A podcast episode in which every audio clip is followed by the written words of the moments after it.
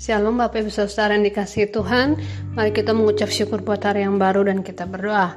Terima kasih Tuhan Yesus buat kemurahan dalam hidup kami Penjagaan Tuhan sepanjang malam sampai hari ini.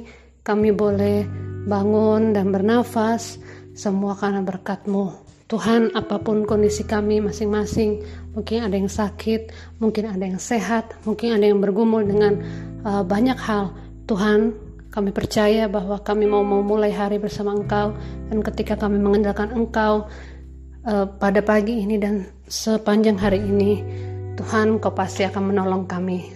Terima kasih Bapa berfirmanlah pada kami melalui firman-Mu dalam nama Yesus kami berdoa. Amin. Bapak Ibu Saudara yang dikasih Tuhan, hari ini kita sampai dalam pembacaan seri pembacaan Alkitab kita yaitu 1 Samuel pasal yang ketujuh. Nah, Bapak Ibu Saudara, mari kita melihat terlebih dahulu seperti apa sih kehidupan orang Israel di zaman 1 Samuel pasal 7 ya. Mungkin kita melihat terlebih dahulu latar belakang ya. Kehidupan bangsa Israel di Hakim-hakim pasal 21 Bapak Ibu ayat 25 firman Tuhan bilang seperti ini. Pada zaman itu tidak ada raja di antara orang Israel setiap orang berbuat apa yang benar menurut pandangannya sendiri. Jadi kalau menurut mereka eh, menculik itu benar mereka lakukan. Kalau menurut mereka menyembah berhala, menyembah ala-ala lain itu benar, mereka juga lakukan. Dan apa yang terjadi Bapak Ibu Saudara? Kejahatan bangsa Israel begitu besar di hadapan Tuhan. Bukan hanya bangsa Israel itu, bukan hanya umat, bukan hanya jemaat, tetapi hamba-hamba Tuhan pada masa kitab 1 Samuel ini ditulis yaitu anak-anaknya Imam Eli ya. Anak-anaknya Imam Eli itu uh, berdosa di hadapan Tuhan. Bapak Ibu bisa baca itu di 1 Samuel pasal yang kedua dan ketiga ya. Di 1 Samuel pasal 2 di bagian terakhir Bapak Ibu ada nubuat ya. Nubuat tentang keluarga keluarga Imam Eli. Nah dosa eh, hamba-hamba Tuhan yang pada waktu itu yaitu anak-anak Imam Eli ditulis dalam 1 Samuel pasal 2 Bapak Ibu bisa baca dari ayat 11 sampai uh, seterusnya Bapak Ibu menunjukkan bagaimana anak-anak Imam Eli yang harusnya mempersembahkan korban dengan cara yang kudus dan mereka mendahulukan korban itu untuk Tuhan seperti yang uh, ketentuan yang ditulis dalam kitab imamat tetapi mereka mengkorupsi ya mengkorupsi korban yang harusnya dipersembahkan kepada Tuhan dan juga mereka melakukan berzinahan.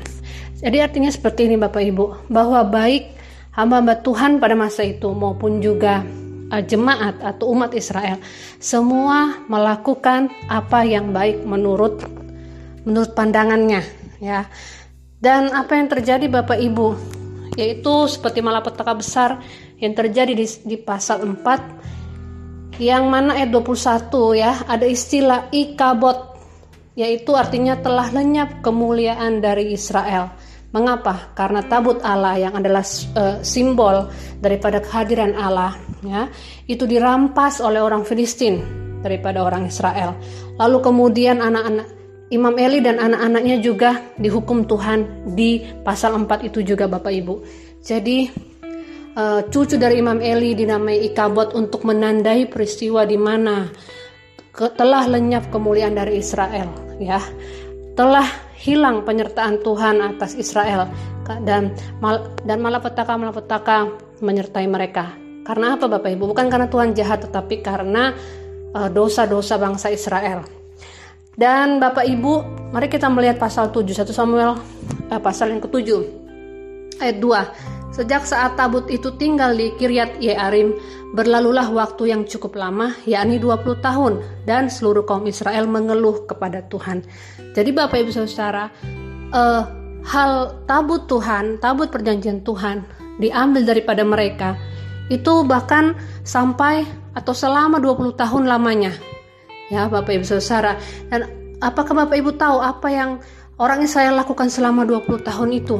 Yaitu mereka menyembah Allah-Allah orang asing atau Allah-Allah uh, suku-suku di tanah Kanaan tersebut yang mana mereka adalah orang kafir yang tidak menyembah kepada Tuhan ya sehingga Sudah 20 tahun berlalu sejak tabut itu tidak bersama-sama dengan mereka, ya.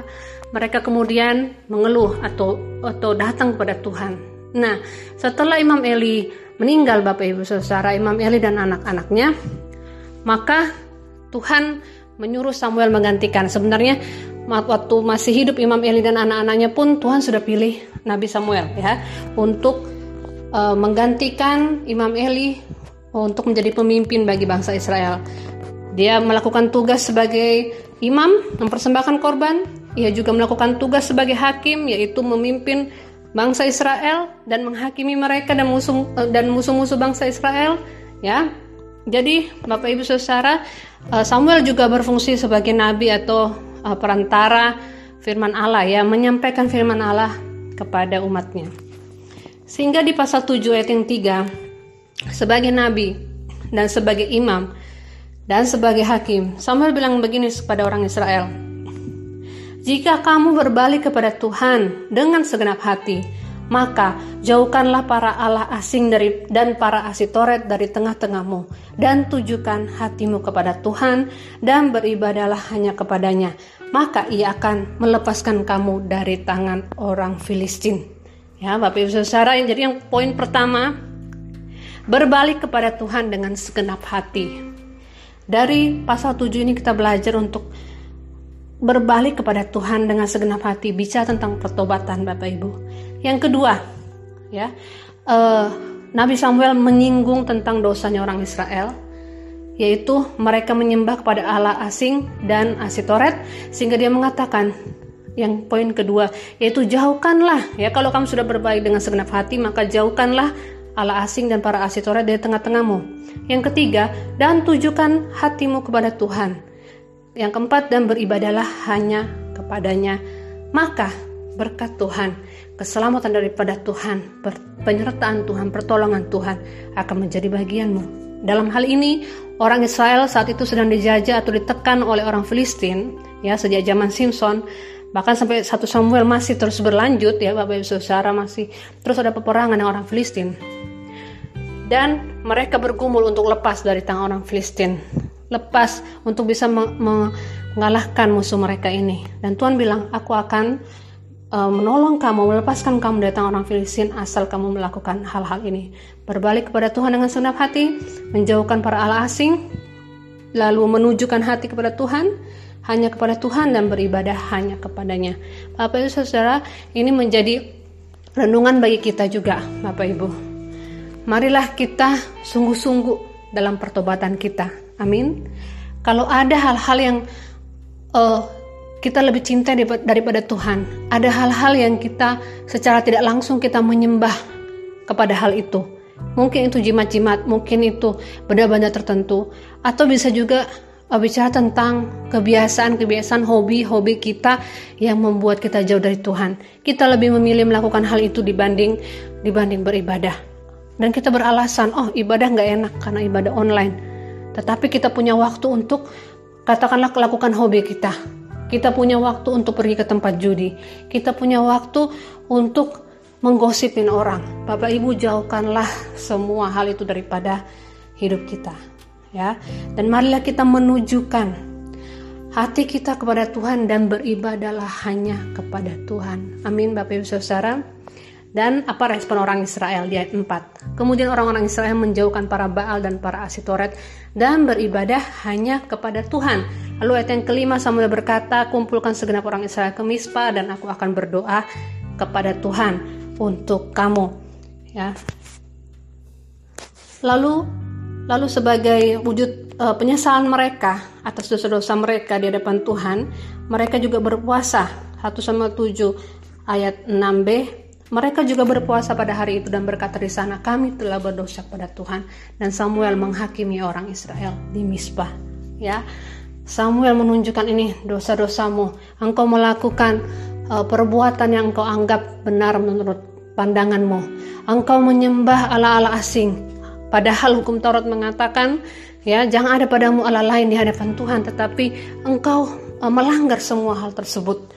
Sampai akhirnya orang Israel menyadari dan mengatakan mengaku di hadapan Tuhan, "Ya, kami telah berdosa kepada Tuhan." Nah, Bapak Ibu Saudara, ketika mereka berbalik kepada Tuhan, lalu kemudian uh, Samuel mempersembahkan korban bahkan kepada Tuhan, ya, bicara tentang hal uh, mendekatkan diri pada Tuhan, datang kepada Tuhan, Bapak Ibu Saudara, mempersembahkan korban juga untuk uh, pengampunan dosa, Bapak Ibu Saudara. Sehingga apa yang terjadi? Tuhan membela mereka ketika Tuhan melihat kesungguhan hati mereka bertobat, Tuhan membela mereka. Ayat yang 10b. Tetapi pada hari itu Tuhan mengguntur dengan bunyi yang hebat ke atas orang Filistin dan mengacaukan mereka sehingga mereka terpukul kalah oleh orang Israel. Ayat 11, keluarlah orang-orang Israel dari Mispa, mengejar orang Filistin itu dan memukul mereka kalah sampai hilir Betkar. Dan kemudian di ayat 12 Samuel mengatakan ya mengambil sebuah batu dan mendirikannya antara Mispa dan Yesana. Ia menamainya Ebenhaiser katanya sampai di sini Tuhan menolong kita. Amin. Ayat 13, demikian orang Filistin itu ditundukkan dan tidak lagi memasuki daerah Israel. Tangan Tuhan melawan orang Filistin seumur hidup Samuel.